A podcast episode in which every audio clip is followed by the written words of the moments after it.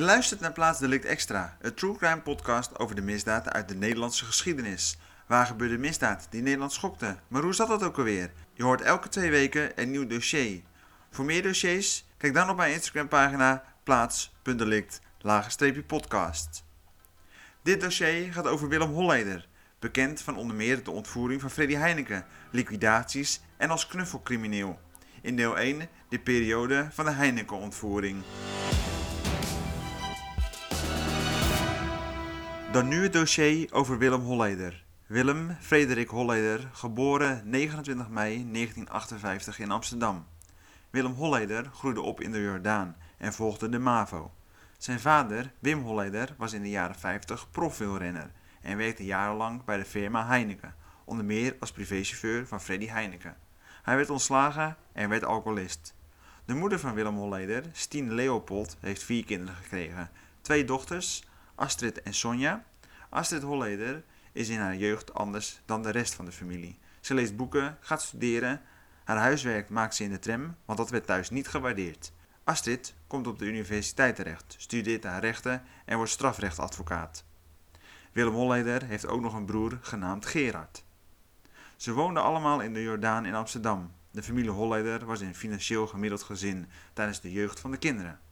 Zijn vader werkte en moeder zorgde thuis voor de kinderen. De vader van Willem, Wim Holleder, had een alcoholprobleem, waardoor hij snel agressief werd en zijn vrouw en kinderen sloeg. Zelf zegt Willem dat hij met zijn criminele gedrag begon doordat er te weinig kapitaal was in zijn familie. Hij begon met een baantje in een modezaak. Daarna werd hij stukken door en vervolgens verdiende hij zijn geld als koppelbaas. Daarna maakte hij zijn overgang naar de onderwereld. De Jordaan in Amsterdam wordt beschouwd als een ruige buurt.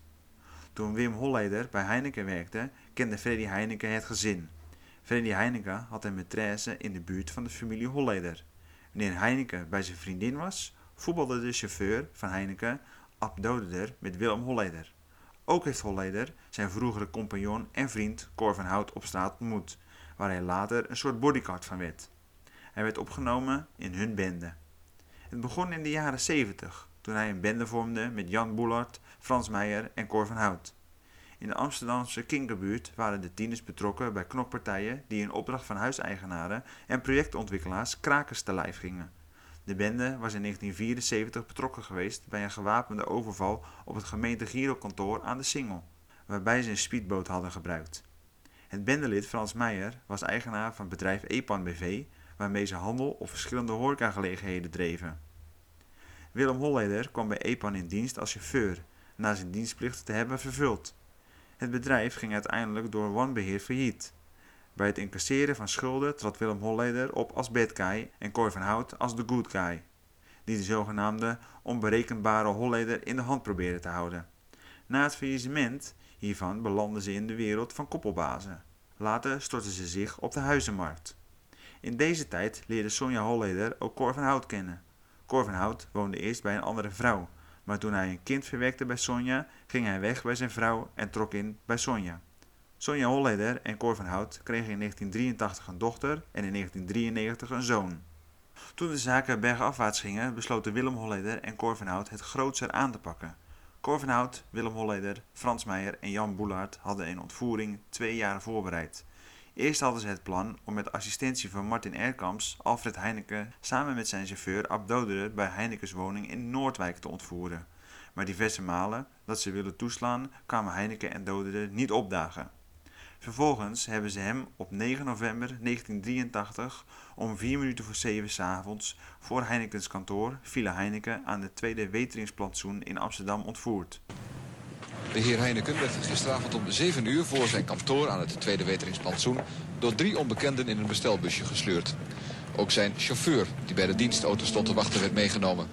Alfred Heineken en Abdoder werden gevangen gezet in een Romney-loods van Boelaerts timmerbedrijf op bedrijventerrein De Heining in Westpoort, in het Amsterdamse westelijk havengebied. De loods was daartoe van tevoren aan het einde voorzien van een dubbele wand met daarin twee geluidsdichte cellen met een verborgen deur. Hierdoor was de 42 meter lange loods van binnen 4 meter korter dan van buiten, maar dit viel niet op. De verzorging vond plaats buiten de werktijden van de werknemers die hier rondliepen. De ontvoerders communiceerden deels met brieven, deels met het telefoon afgespeeld bandje die ze door Abdoder en een keer door Alfred Heineken hadden laten inspreken. En deels met kleine krantenadvertenties met gecodeerde boodschappen. Het andere kamp moest reageren met soortgelijke advertenties. En een keer mocht het ook tijdens een telefooncontact enkele punten naar voren brengen. Hallo?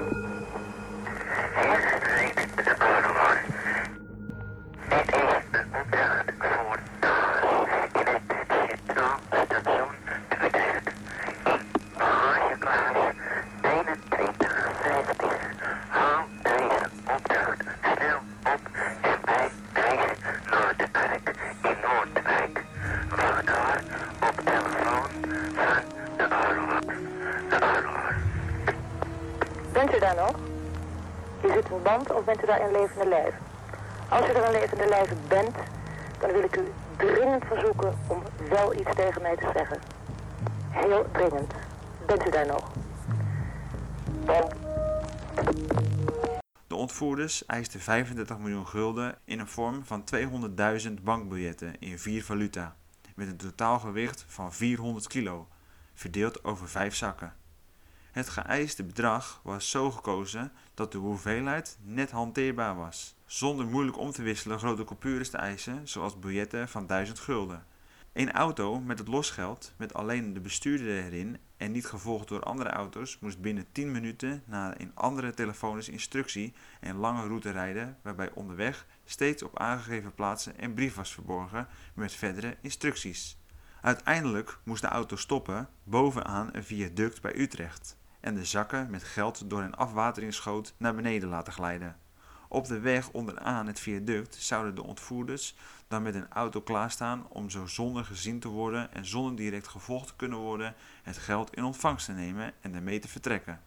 Op 15 november gaven de ontvoerders de nadere telefonische instructies om met de auto met het losgeld te vertrekken, maar dit gebeurde niet, om, onder meer omdat moeilijk te voorkomen was dat journalisten de auto zouden volgen. Op 28 november werd een nieuwe uitgezette rally, nu met extra telefonische instructies onderweg, zodat er als er weer iets mis zou gaan, niet weer de rest van de route onthuld zou zijn, daadwerkelijk gereden en het geld overgedragen. Het werd in de bossen bij Zeist verborgen in vier vooraf ingegraven plastic tonnen. Een anonieme tip, waarbij de namen van drie van de vier daders werden genoemd, leidde naar de loods waar Heineken en Doderder op 30 november 1983 door de politie werden gevonden. Toch wel? Ja, ja. Bingo. Bingo. In het westen. Ja, we hebben meegeluisterd. Geweldig. Ze waren nog niet door hun ontvoerders losgelaten. Volgens het boek De ontvoering van Alfred Heineken van Peter E. de Vries had Jan Boelaert het op zich genomen om ze vrij te laten op een neutrale plaats. Dat had zijn voorkeur boven direct vluchten en dan telefonisch de locatie doorgeven, want dan zou zijn betrokkenheid zijn onthuld. Zijn identiteit was nu echter toch bekend. De anonieme tipgever was echter niet Boelaert, maar een secretaresse van de Amsterdamse Fonds van Beem, een aannemer die onder andere de woning van Cor van Hout opknapte. Direct na de ontknoping werden Jan Boelaert en Martin Erkamps en op verschillende adressen nog ongeveer 25 personen gearresteerd. Dit waren voornamelijk familieleden en kennissen van de verdachte, onder wie Wim Holleder, de vader van Willem Holleder. De meeste arrestanten werden al snel weer vrijgelaten, zo ook Holleder senior. Cor van Hout, Willem Holleder en Frans Meijer wisten tijdig te vluchten. Minister van Justitie Frits Korthals Altes besloot hierop foto's en namen van de verdachten aan de media te verstrekken. Frans Meijer dook onder op verschillende adressen in Amsterdam, maar gaf zichzelf op 28 december 1983 aan. Cor van Hout en Willem Holleder vluchtten naar Parijs, waar ze een appartement huurden aan de Rue de Penchèvre in, in het achtste arrangement. Op 29 februari 1984 werden ze daar door de Franse politie gearresteerd na een gelokaliseerd telefoongesprek van Cor van Hout naar zijn vrouw Sonja Holleder. Hoewel ze liever in de Nederlandse dan in de Franse gevangenis zaten, kozen ze er op advies van hun advocaten, onder wie van Van Houts advocaat Max Moskovits senior, voor om niet in te stemmen met een overbrenging naar Nederland. Aangezien Frankrijk en Nederland aanvankelijk geen uitleveringsverdrag hadden met betrekking tot vrijheidsberoving en afpersing, zou uitlevering namelijk alleen kunnen plaatsvinden op basis van een lichtere vergrijp, schriftelijk bedreiging met de dood. En Nederland zou dan alleen de laatste te laste kunnen leggen. Eerst oordeelde de Chambre d'accusation en vervolgens ook de Cour d'appel dat de ontvoerders zich zonder deze beperkingen konden worden uitgeleverd. Maar de Consul d'Etat verwierp dit.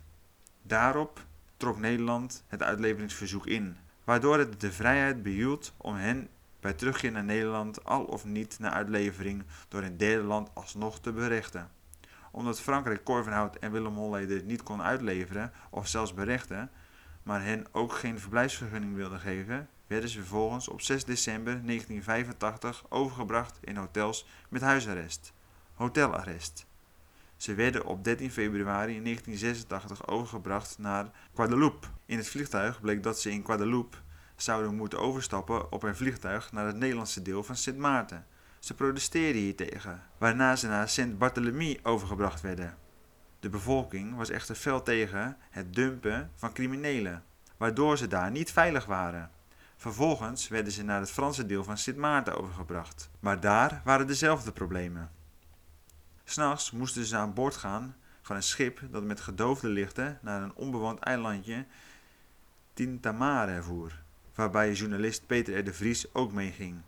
Maar ze nog even op het schip konden slapen en daarna aan wal gaan, waar ze per helikopter werden opgehaald. Ze werden teruggebracht naar Guadeloupe, met weer diezelfde problemen. Vervolgens werden ze weer teruggehaald naar het Europese deel van Frankrijk en kregen hotelarrest in Evry.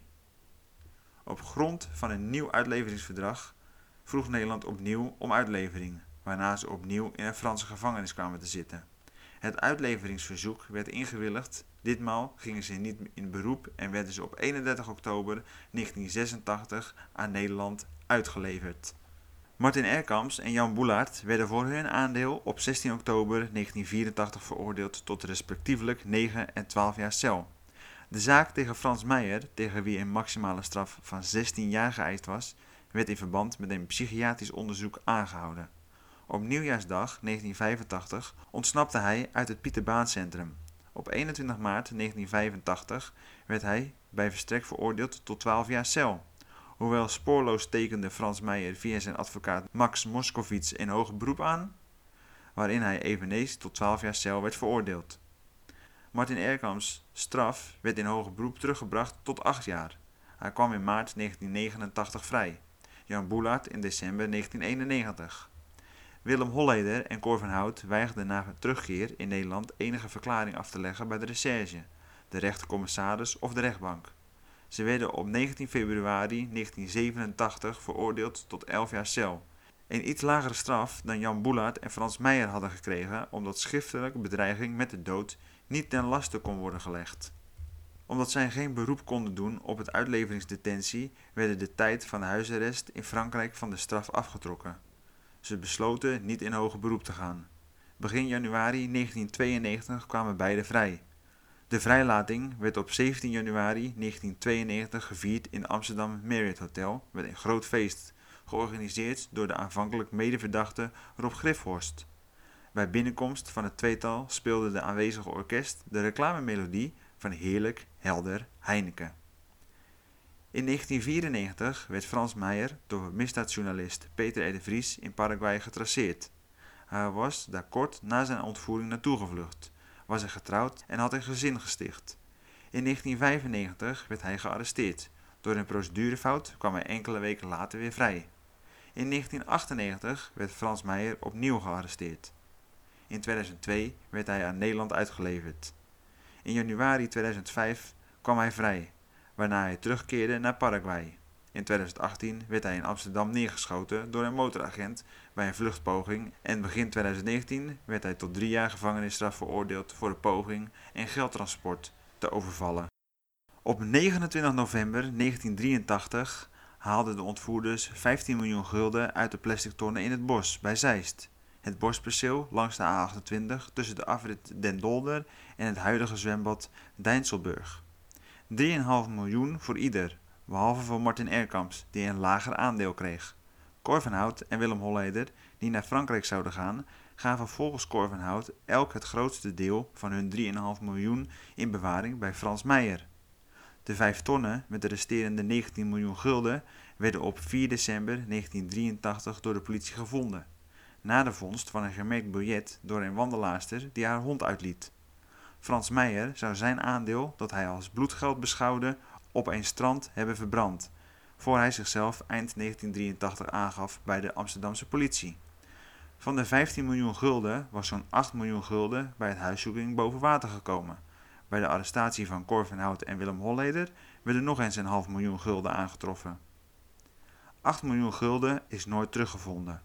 Volgens uitgelekte verklaringen van de later in 2006 geliquideerde Thomas van der Bijl was het grotendeels verborgen in een homopark in Parijs. Ik heb het geld opgehaald. Het was 7 miljoen gulden. Dat heb ik aan de bouwvakker gegeven. Heb ik eerst bij het grenswisselkantoor gewisseld.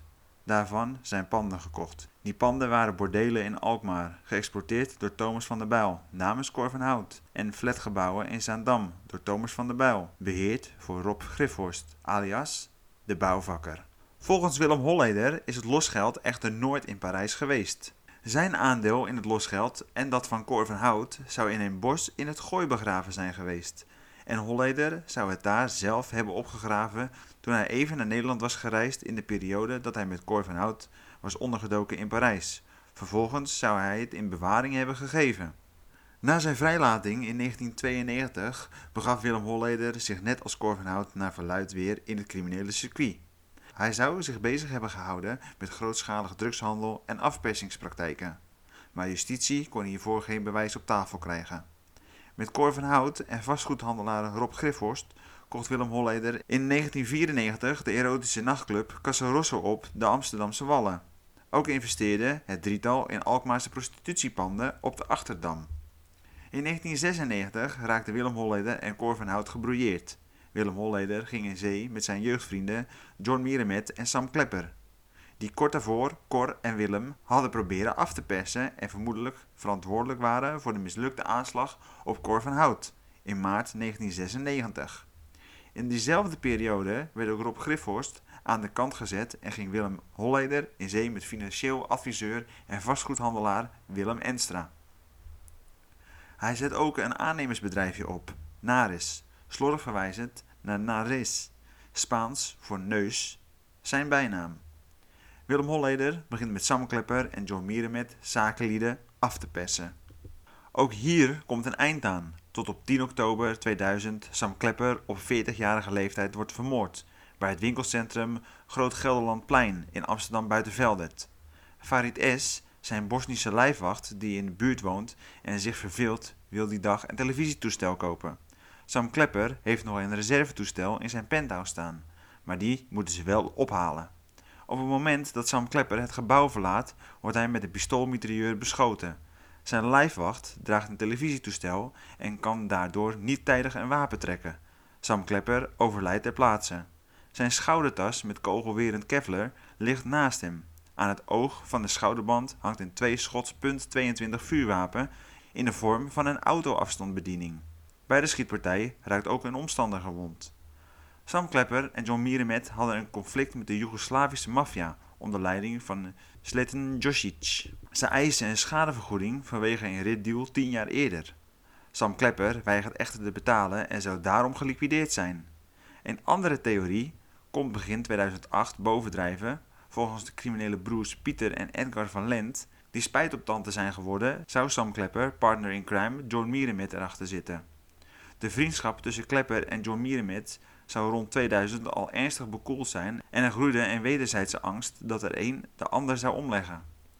John Mierenmet zou het daarop met Willem Holleder, die vaak met het duo omging, op een akkoordje hebben gegooid en Sam Klepper hebben laten omleggen. Tijdens het passageproces, dat niet specifiek verband houdt met de moord op Sam Klepper, legt zijn weduwe Sandra den Hartog getuigenis af tegen Willem Holleder.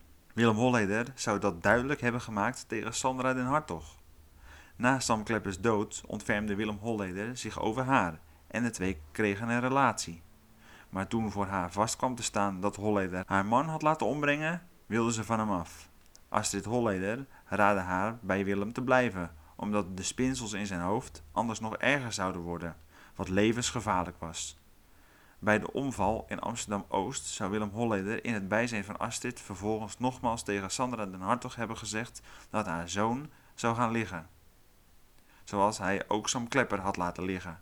Daarna zou Sandra den Hartog haar relatie met Willem Holleder alsnog hebben uitgemaakt. Dit was plaatsdelict extra. Willem Holleder wordt ervan verdacht nog zes mensen te hebben geliquideerd. In het volgende deel gaan we het daarover hebben. Kijk voor meer op mijn Instagram pagina op plaats.delict podcast. Tot dan!